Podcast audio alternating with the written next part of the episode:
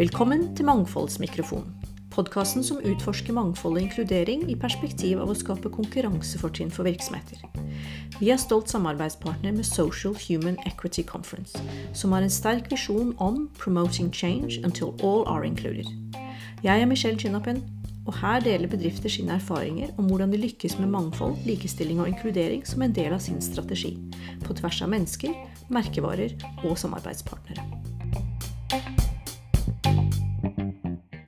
Obos ble stiftet i 1929 og er en av Nordens største boligbyggere med over 2500 ansatte og over en halv million medlemmer.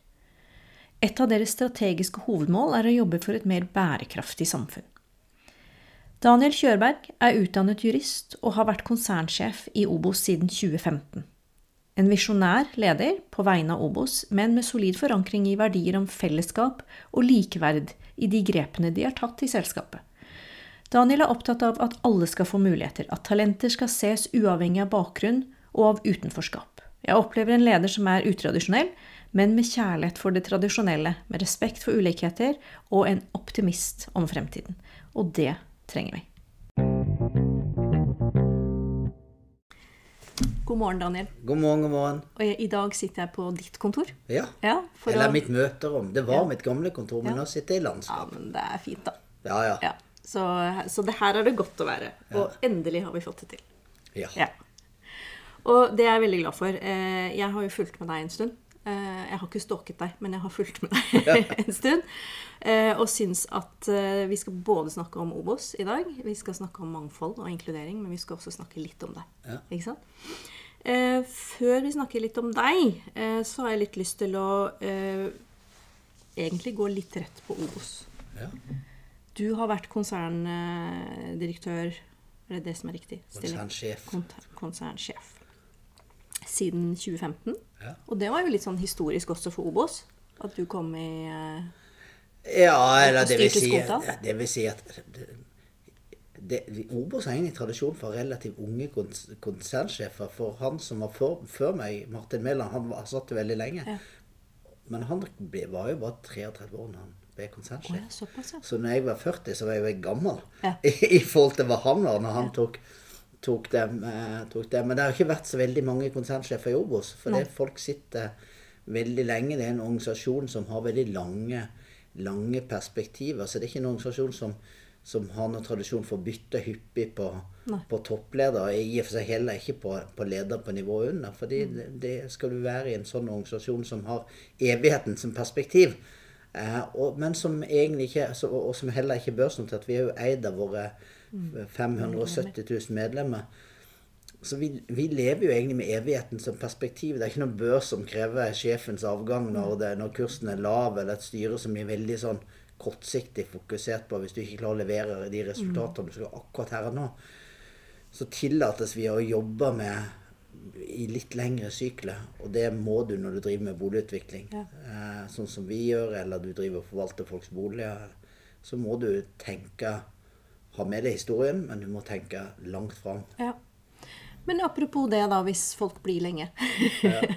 og man snakker, eh, ikke sant, for Jeg har hatt eh, litt sånn kjepphest i forhold til det når, når f.eks. advokatfirmaer snakker om eh, å få inn mangfold, og så ser du karriereveien. Så, jo, så tar det jo 20 år før man får noe mangfold ut i Da snakker ikke jeg bare om etnisk mangfold, jeg snakker om mangfold generelt. Men er det slik at det er en utfordring når folk blir så lenge, og at det ikke blir nok turnover i forhold til å få inn det, mangfold? det er det alltid. Men samtidig så har, nå jeg jo, nå har jeg av disse åtte årene så, så har det jo skjedd en, ganske mange endringer. Når jeg kom inn i konsernledelsen, så hadde jeg, hadde bare én kvinne med meg i, i, i startblokka. Nå er vi 50-50. Ja, jeg så det. Og så så jeg at dere allerede har. Du, du må ha en aktiv holdning til det. Det må ikke bli et Hvis du vil ha mangfold, så må du, må du, må du gripe muligheten når du har den, og så må du se på å skape mulighet. Altså, Først når jeg begynte som konsernsjef, så tok jeg ut et par personer og sa at vi, jeg vil gjerne ha det med i Obos, men jeg vil ha en mindre kontrollsgruppe. Jeg må konsentrere meg om en Jeg må ha en mindre direkte rapporterende gruppe til meg. Ja. Så tok jeg ut litt funksjoner, og de hadde fortsatt jobbene sine og var- jobba for fullt i Obos. Og så valgte jeg liksom å bygge litt laget etter hvert, som Ja. mulighetene bød seg. Noen pensjonerte seg. Eh, Jeg skapte en ny rolle til en ung kvinne som jeg ville ha inn, som, som dukket opp når jeg skulle ha en ny CFO. Og så, og så har jeg liksom prøvd å fylle på med både, eh, både Var opptatt av å få inn en større bredde i form av kvinner, men også i forhold, til kompetanse. Hente folk utenfor. For vi var på en endringsreise. Så det å altså få inn nye perspektiver, gripe muligheter og tenke litt ut av boksen når, du skal, når du skal rekruttere, det tror jeg er viktig. Og så ser jeg at dere allerede har 40% kvinner i styret. Ja, det har vi hatt lenge. Men var det vanskelig? Nei. Nei.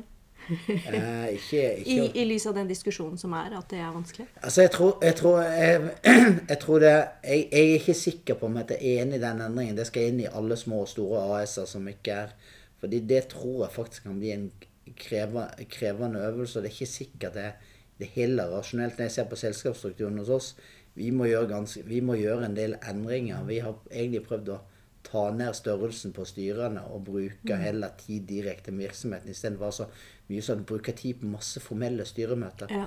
Så skal vi gjøre styremøter til det vi skal, og så skal vi jobbe tett på virksomheten gjennom business reviews. og sånn. Nå må vi liksom endre den kabalen litt. Men vi, vi har jo så utrolig mange flinke kvinner, så vi skal få det til. Men jeg tror mange andre virksomheter vil få utfordringer med det. Men det er jo det er et valg man gjør. Ja. Og så istedenfor å være noe skeptisk og, og veldig imot å klage og syte på det man ikke får til, så må vi, må vi sørge for å må norsk næringsliv ta tak i det. Og, og, og kanskje kommer dette til å virke kjempebra.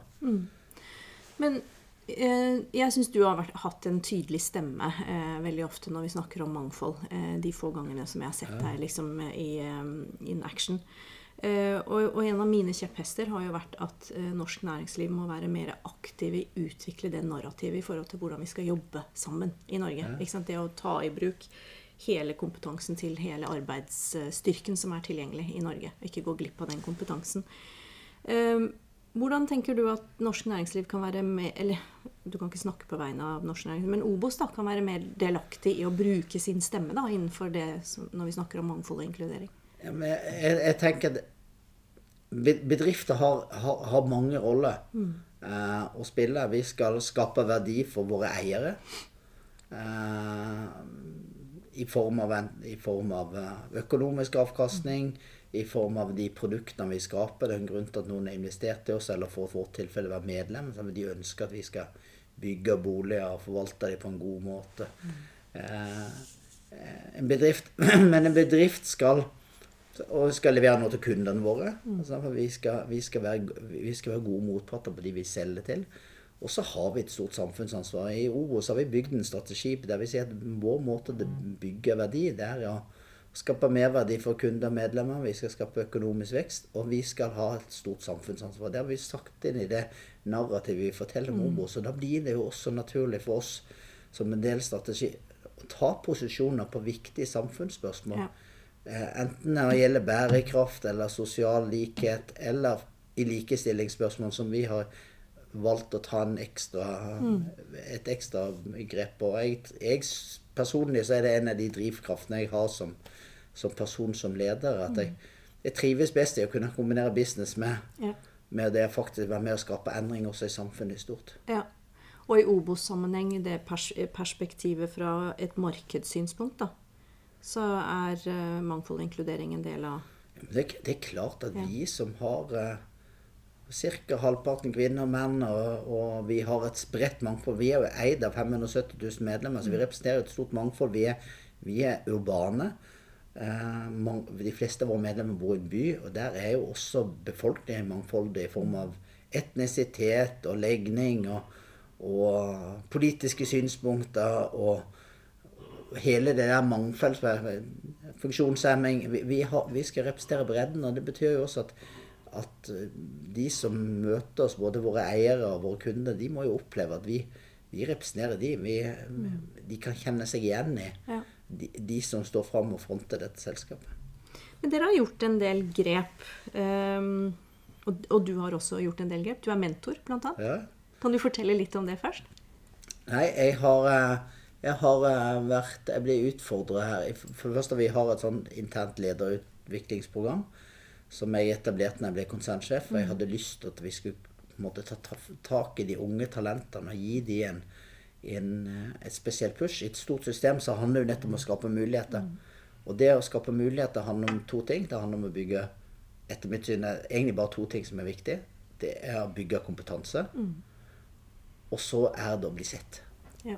For hvis du kan være så flink du vil, men hvis ingen ser deg, eh, så, så hjelper det veldig lite. Sånn at vi må skape arenaer der de kan bli sett. Og så er den tredje komponenten som, som også er viktig, det er at du bygger kultur. Ja. Disse talentene blir kjent med hverandre. De blir kjent med organisasjonen på tvers. enten du... Og da måtte jeg jumpe inn for en som slutter. En er mentor. Alle disse blir utsøkt med en mentor. Men så var det en som en av mentorene som slutta, og da sto de uten mentor. Og siden jeg, jeg er liksom programeier, så sa jeg men jeg jumper inn og tar eh, Josef, som er vår ungarske eh, fabrikksjef. Han var fabrikksjef den gang i, i, eh, i Sverige, på fabrikken vår. Og nå, nå leder han, han leder prosjekteringsavdelingen. Han har hatt en fin karriere. Vi, vi møtes en gang i måneden på Teams. Og så møter jeg han, nå skal, jeg til, nå skal vi møte på fred, neste fredag skal vi ha mentorsamtale. Og så var jeg på et seminar i regi eh, av en sånn forening for Nå husker jeg ikke hva de heter. Jeg er så fælt å glemme sånn. Men da ble jeg utfordra om jeg kunne ta en mentor. Av, så, så var det en ung gutt som hadde meldt seg. Og da sa jeg ja, men det kan jeg gjøre. Det er veldig artig. Så vi møtes jo sånn hver halvannen måned eller noe sånt og- snakker om stor, løst og fast. Det veldig, det syns jeg er innmari inspirerende. Ja, det kan jeg tenke meg. eh, Og det er liksom morsomt, fordi jeg, jeg har jo eh, husker det var noen som spurte meg for en stund siden om jeg ville være deres mentor. Og da, men da var jeg litt sånn Først jeg tenkte på Oi, er, jeg, er jeg der? Er jeg der i livet? At jeg? For jeg har jo tidligere hatt mentorer. Så det gikk opp for meg at oi, nå sitter jeg, besitter jeg faktisk ganske mye kompetanse som gjør at andre har lyst til å lære av meg. At det blir en Ja, sånn også noen ganger så situasjon. handler det om personlige ting. sånn, for Han som er mentor på, han er, han er troende muslim. Og jeg er troende kristen. Og En av de tingene vi diskuterer, er faktisk det. Ja. For han sier det av og til. Ja, men jeg føler av og til jeg kan snakke med deg om Ja. ting som jeg ikke kan snakke om om andre. For du skjønner at jeg har noen andre verdier i livet mitt som styrer enn Ja. en det som er rasjonelt. Så da kan vi diskutere sånne ting òg. Det er ikke det, det fyller ikke hele agendaen, men det betyr at av og til kan vi touche innom det. Liksom, hvordan, noen sånne verdivalg? Og da er det godt å ha noen å snakke med som skjønner det. Selv om vi, vi, vi, vi tror på forskjellige ting, så skjønner vi hva som, hva som er drivkraften. av det, Ja. det er en Nei, viktig del av det. Men har dere eh, i leder, også tilbake til lederopplæringen i Obos, inkluderer det noe som har med mangfold og inkludering? vi, vi, vi, vi har det på agendaen, men det er Jeg opplever vi etter hvert har klart å bygge en kultur der det nesten er blitt selvsagt. Eh, fordi vi har vært så tydelige på det fra dag én. Så når vi lagde en mangfoldsstrategi her for noen år siden, så var det egentlig mer å putte pen to paper på, på, på noe vi allerede hadde. Så jeg opplever at det er nesten å slå inn åpne dører. Ja. Men, men vi jobber jo ganske aktivt, og når vi ser vi har spesifikke utfordringer, så ja, Det er et selskap der det var få kvinner. Da fikk de en sånn targetplan, så nå måler de seg selv på. mange kvinner får de inn i ledergruppen? Hvor, hvor mange kvinnelige håndverkere har vi? Hvor mange kvinnelige mellomledere har Så rapporterer de på det, så må, styr, må de rapportere tilbake til styret på det jevnlig, hvordan de ligger an på det. For der hadde vi en spesifikk utfordring. Når jeg, jeg har intervjuet flere ledere eh, av ditt kaliber, eh, og jeg syns det er interessant fordi de som får til og som har fokus på mangfold, det er alltid litt knyttet til deres egen bakgrunn og egne interesser. Så det er ingen tvil om at hvis det er topplederforankring, så skjer det ting. Eh, ja, det funker også når du har bottom up-press, men det tar litt lengre tid. Så jeg pleier å bruke uttrykket 'top down and an ear to the ground'. Så da, Ja. da skjer det ting, liksom. Vil du si at din bakgrunn påvirker det fokuset du har? Kan vi snakke litt om det? For, eh, Ja, jeg, jeg, jeg, tror nok at det gjør det indirekte, fordi at Jeg er jo liksom ikke denne A4 som har gått handel vi, eh, Hvit nordmann som har gått Handelshøyskolen eller siviløkonombakgrunn. eh, eh, Men, og heller ikke en tradisjonell utdanningsvei inn i byggebransjen. Jeg er utdannet jurist. Ja. Eh, sånn at eh, Det da- viktigste det er når man har kontrakter. For jeg, har bygget, altså. Så det, ja, ja. Men, men det er liksom det å ha litt ulik Ja, jeg tror det. Og så har jeg etter hvert som man, er blitt I begynnelsen så er man jo er man opptatt av noen ting i en ledergjerning. Og så etter hvert så ser man jo at man har en større rolle å spille i den man er, og være et forbilde. Så jeg sier ofte det at det, det viktigste jeg egentlig kan gjøre i forhold til mangfold, det er å være et forbilde og vise at det går an Ja. for de som ligner meg. Men også kunne være en drivkraft på å nettopp sende de signalene at mangfold er viktig. Vi skal ha, kvi, vi skal ha kvinner, vi, vi skal sørge for at vi får på plass. Nå sendte det senest i går, så på den årskonferansen snakka jeg med næringsministeren om mangfold, etnisk mangfold i styret. Ja. Og han husker det vi hadde snakka om. Han husker det. Så han kom og sa nei, vi fant ikke det brevet som dere hadde sendt. Kan ikke du sende det på nytt? Og det syns jeg er bra av Vestre. Så det skal han faktisk skryte av. For han husker samtalen, Ja. hadde fulgt opp og kom tilbake og si du kan ikke du hjelpe meg på det, finne ut det, for vi klarer ikke finne, finne det brevet. Det ble jo sendt under covid, så det er mye som står på agendaen. Så nå sendte jeg det til han i går og viste til samtalen. Og, og han var opptatt av at dette skal vi få fulgt opp. Så kanskje skjer det noe. Kanskje det skjer noe. Ja, for vi var jo på det frokostseminaret sammen i, i regi av PA Consulting, som jeg syns er interessant. Jeg syns det er interessant å høre på um, uh, alle tilnærmingene, da. Uh? Vi starter jo på holdninger og rekrutteringer egentlig fortsatt. Men tilbake til deg, for at jeg, eh, som jeg sa, jeg har ikke stalket deg, men jeg har snoket.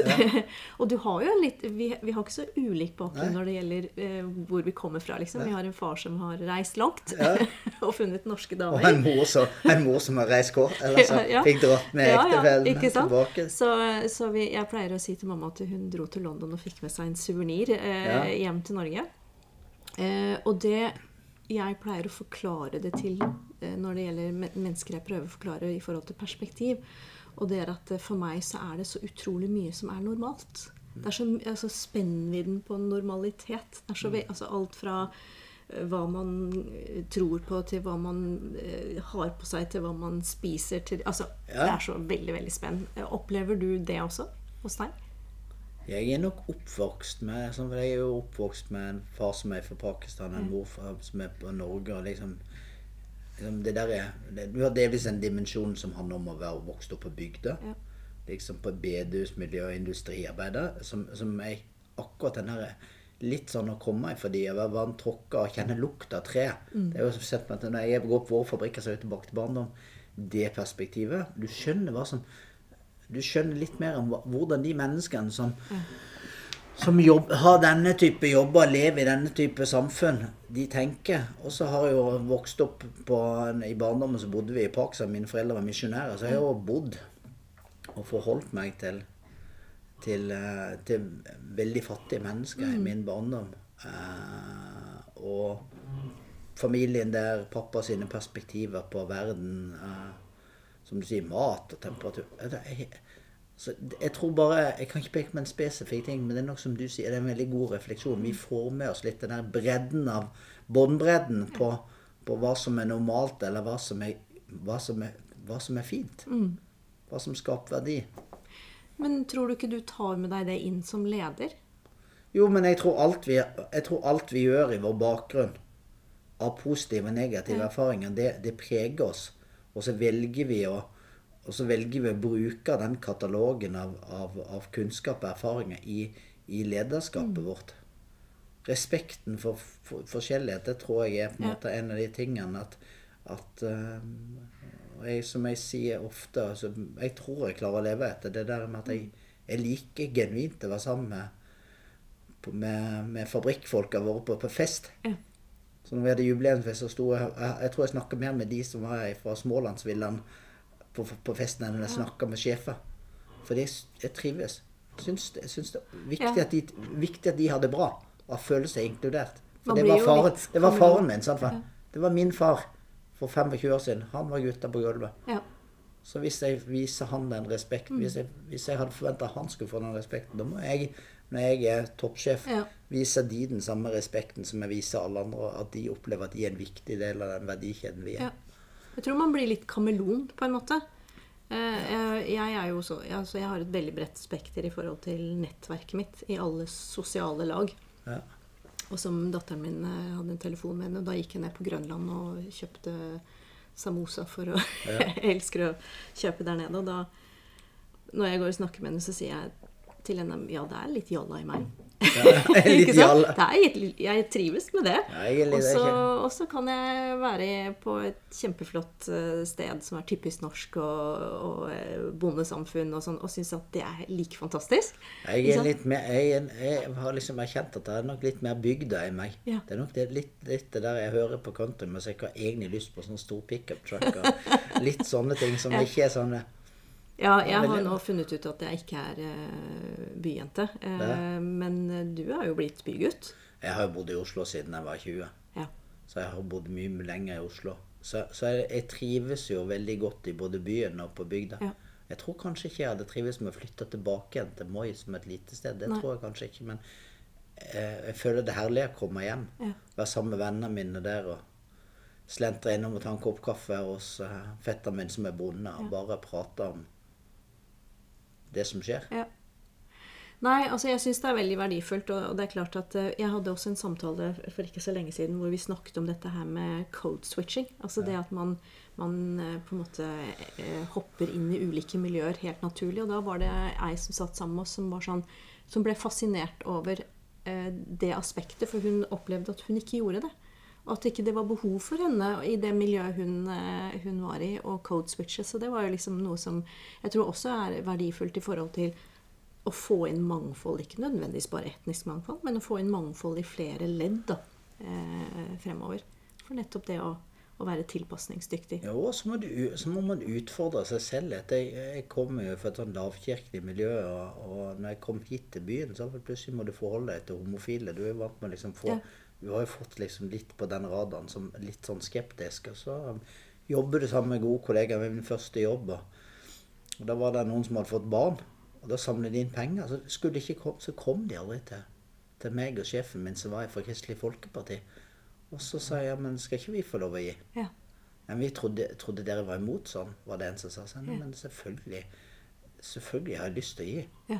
Altså For meg var det var det med å ta ned garden litt, men Ja. nå må du tillate deg òg. Og det tror jeg er en sånn ting som man av og til, så også som voksen, er nødt til å Av og til må du legge til side litt fordommer, eller å bestemme deg for aktivt at det vil jeg legge ifra meg. Fordi at Å tenke at Nei, det, det, det er min kollega. Jeg er nødt til å tvinge meg selv til å respektere kollegaen for, for den de er, den de vil være. Og ikke bare si, liksom sette det i sånn Nei, sånn er det, og det er bare jobb. Du, må, du må genuint like hele mennesket. Ja.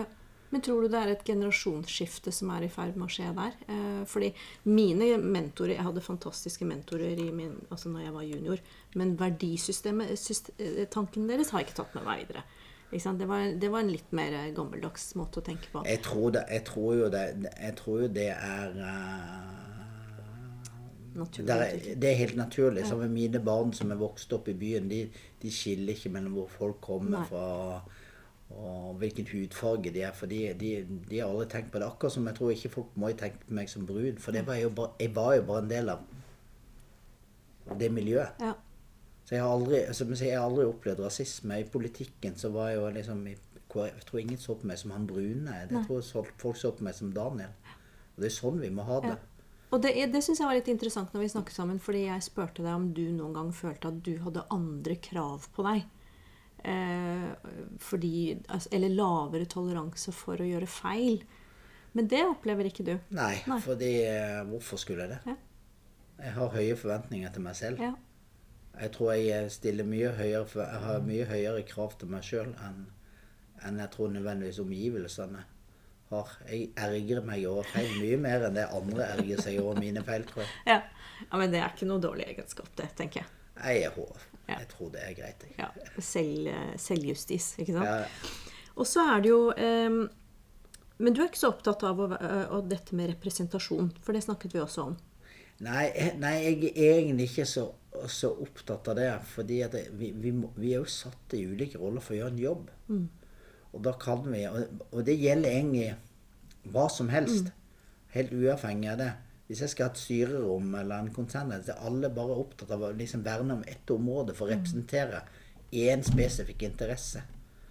Hvis vi skal inn en arkitekt i styret i Obos bare for å være opptatt av arkitektur Alle bør være opptatt av arkitektur, eller én bærekraftsekspert for å være opptatt av å drive bærekraftsaken. Alle bør være opptatt av bærekraft.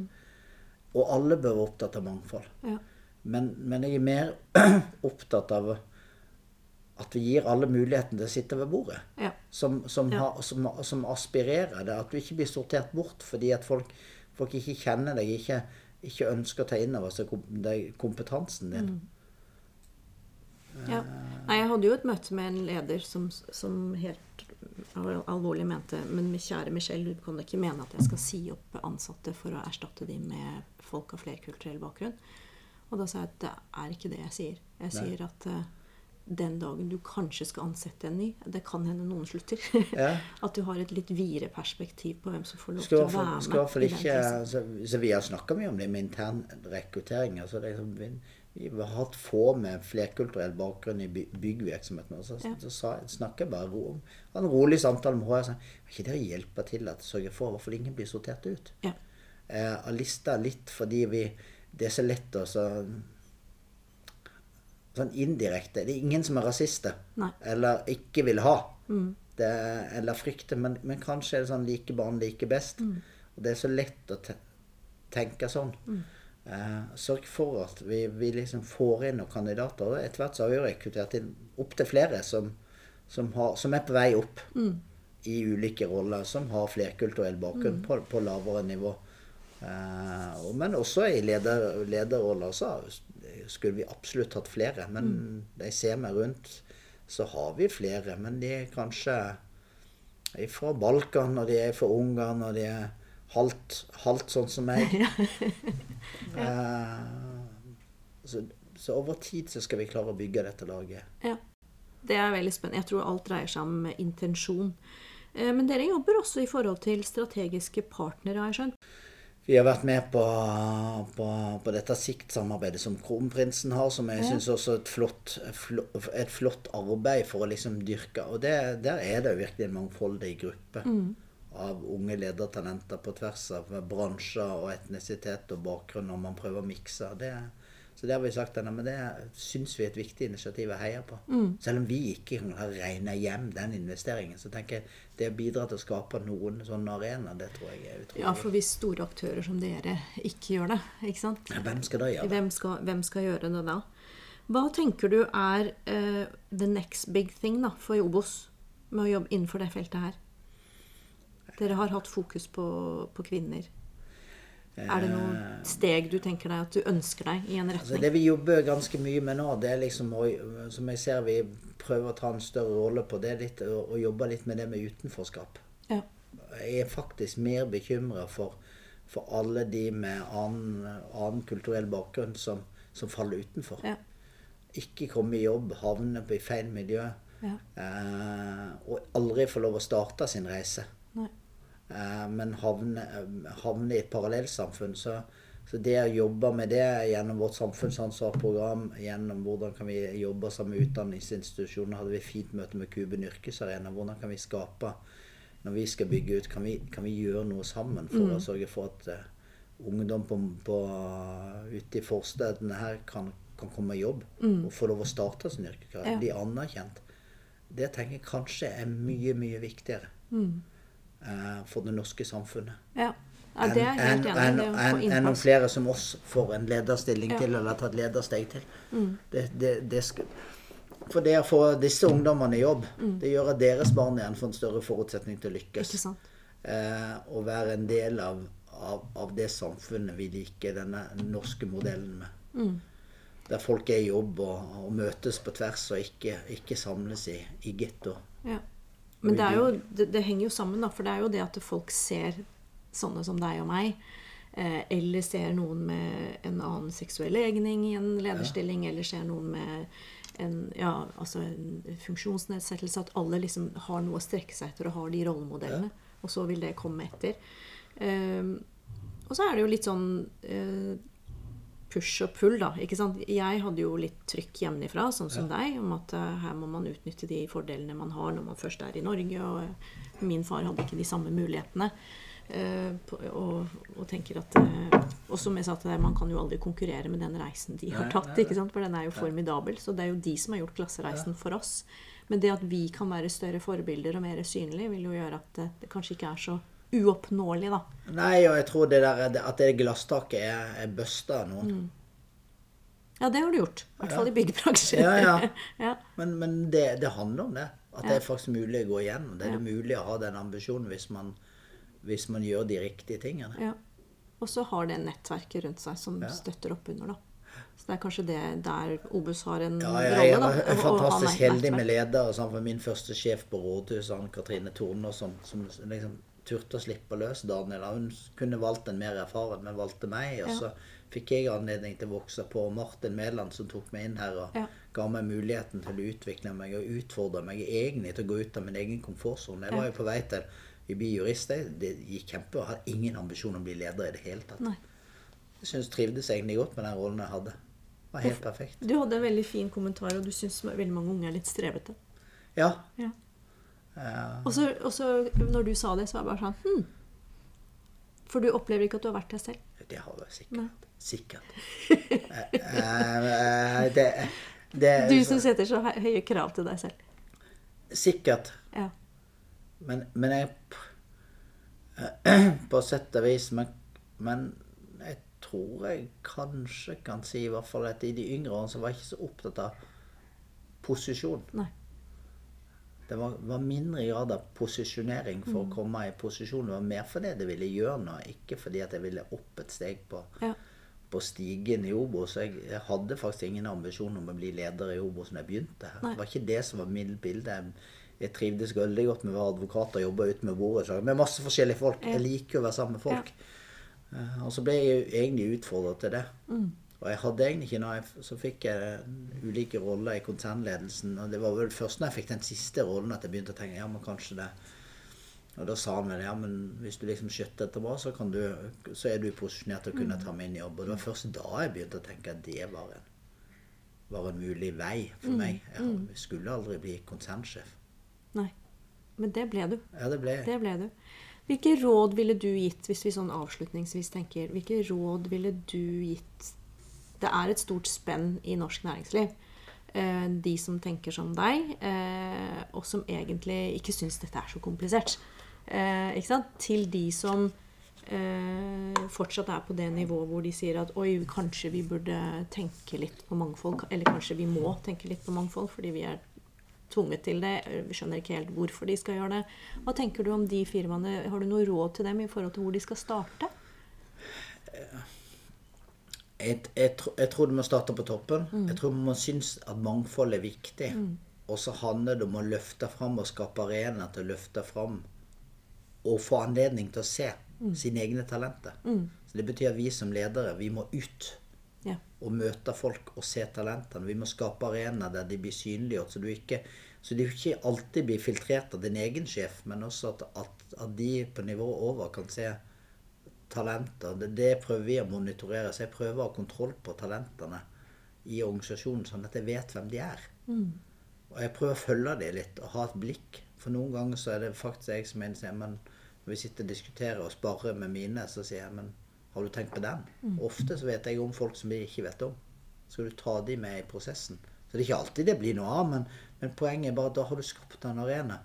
Og sånn ville jeg gjerne at mine ledere også tenker at, at de ser litt rundt seg, har en bredde og en oversikt over hvilke ressurser de har, og hvordan vi får de til å lykkes. Og hvis vi får ledere som ser alle og Det syns jeg han Mushaga Bakenga sa, sa så bra på. Det var kanskje det beste. Jeg, jeg syns ikke Daniel Ek var sånn. Jeg blir jo ikke så mindblown av å høre Spotify. Jeg syns det han sa om å, om å liksom se alle i garderoben, det var det viktigste signalet som kom ut av hele denne NHO-årskonferansen. Det burde vi alle ledere bli mye flinkere til Ja. hele tida. Jeg fikk med meg den delen der. Det var veldig De hadde jo en kampanje også, den eh, med Catalyst og Amnesty. Og ja. jeg husker ikke det riktige eh, navnet. Norsk eh, senter for menneskerettigheter, er det Ja. det det heter? Den sti Stillhetens såre-kampanjen, hvor han var veldig aktiv. Og det syns jeg var veldig rørende. Så forhold pleier jeg å si til unge ledertalenter har du ambisjoner, eller medarbeidere når jeg har på nyansatte har du ambisjoner, så si fra om det. Fortell det om det til noen som du tror kan gjøre noe med det. Ja. Ikke sitt stille og passiv og, og se det. Men, men når jeg sier, og det er kanskje litt imot det med strebing, men det er ikke strebing etter Nei, mitt syn. Men, litt, men, men si hva du har lyst til. Mm. For det er ingen som kan trenge inn ditt hode og si hva dine drømmer er. Det det er bare du selv som Ja. kan fortelle hva, hva du drømmer om for framtida. Men det er jo et kjempeskift i lederstil eh, har vært over de siste årene. I hvert fall i forhold til når jeg eh, var ung og inn i næringslivet. Og der vil vi ha et visst ansvar for å forankre det videre til neste ledernivå. Jo, no, men, men, jeg, men jeg syns ikke vi skal snakke om dette som en sånn mindset. For jeg har jo, jeg har jo hatt en leder her som, som tilhørte den Gamle. ja, Og han var flink, han òg. Ja. Hvis jeg ser liksom på, på hva han fikk til av av ganske forskjellige, Mm. å sette sammen ganske mange forskjellige mennesketyper. Så jeg tror ikke vi skal se på det som om nå er vi blitt så mye smartere. Eh, for det, jeg tror ikke det er det som er det. Men jeg tror det handler om at nå er det plutselig flere mangfoldige kandidater. Hele eh, samfunnet har på en måte åpna litt opp for for mangfoldighet i, i perspektivet. Det at man er åpen om sin legning. at Man er, at, at, at det er mange flere unge, dyktige mennesker med minoritetsbakgrunn som kommer opp fra utdanningsinstitusjonene, som tar på seg ansvar og er aktive i frivillighet, og organisasjonsliv og politikk. Det er jo summen av alle disse tingene som gjør at jeg tror at vi at jeg er veldig sånn fremtidsoptimistisk. Ja. Det er veldig hyggelig å høre. Ja. For det, det trenger vi nå. Ja, men vi trenger folk reiser seg opp og tar ansvar. Tar ansvar i det sivile samfunn nå. Altså, for å ikke bare konsentrerer seg om yrkeskarrieren sin, men ta på seg verv i idretten. At, at det ikke det bare blir de sånne som meg, som er vant med å ta ansvar fra liten og rekke opp hånda. At flere rekker opp hånda og sier 'jeg tar den ballen'. Jeg opplever jo at uh, Obos rekker opp hånda, da. Ja, Det vi vil det. Ja. Også... Hvis jeg kan være en kulturbærer for det. Så er det kanskje noe Det, det, liksom, det sa styrelederen min, sa det, det, det, tenker jeg på veldig mange ganger. Det var veldig klokt når jeg begynte. Og vi skulle begynne å jobbe sammen. Så husk det, Daniel, det er ingen som kommer til å takke deg for alle pengene du har tjent til Obos. Nei. Men de kommer til å huske det hvis du flytta noen milestolper som ikke, milestolper som ikke måles i penger, men som måles i konkrete resultater i forhold til å gjøre forandre verden. Og det har liksom vært sånn ledesnor. Jo, drivende kommersielt, men egentlig prøve å fordytte noen milstolper som, som har en større verdi enn målt i et halvt på slutten av regnskapet. Det syns jeg var en innmari fin avslutning. Eh, Jeg syns du er en veldig fin rollemodell, eh, Daniel. Takk, det er hyggelig skal, du sier. Og vi får Takk passe- for ditt initiativ òg. Jeg mener det, det er viktig at vi fører disse samtalene, at de ikke føres på, på den polariserte måten der, der det liksom man skal slå, alltid skal slå inn dører med, med ropert. Men at vi kunne ha, ha denne type samtaler om viktige tema som er balanserte. Ja, avmystifisere. Eh, Som ikke handler om rettferdighet eller urett, rett eller urett, men som handler om hva vi skal få til, og gjøre steg for steg. Ja. Tusen hjertelig takk for at du tok deg tid i dag. Takk. Vær så god. Og fortsatt lykke til. I like måte. Takk for at du lytter. Del gjerne så verdifull erfaring og praksis kan nå andre som er i ferd med å navigere seg innen dette området. Hvis du ønsker å starte prosessen i egen organisasjon eller ta eksisterende arbeid videre, ta gjerne kontakt. Kontaktinfo finner du i podkastbeskrivelsen. Det er kun ved å delta aktivt på samtalen at du kan være med på å drive positive endringer. Uansett hva mangfold betyr for deg og din organisasjon. Det er kun ved å dele at vi aktivt kan gjøre hverandre gode og gjøre læringskurven brattere. Jeg ønsker å etterlate positive fotspor.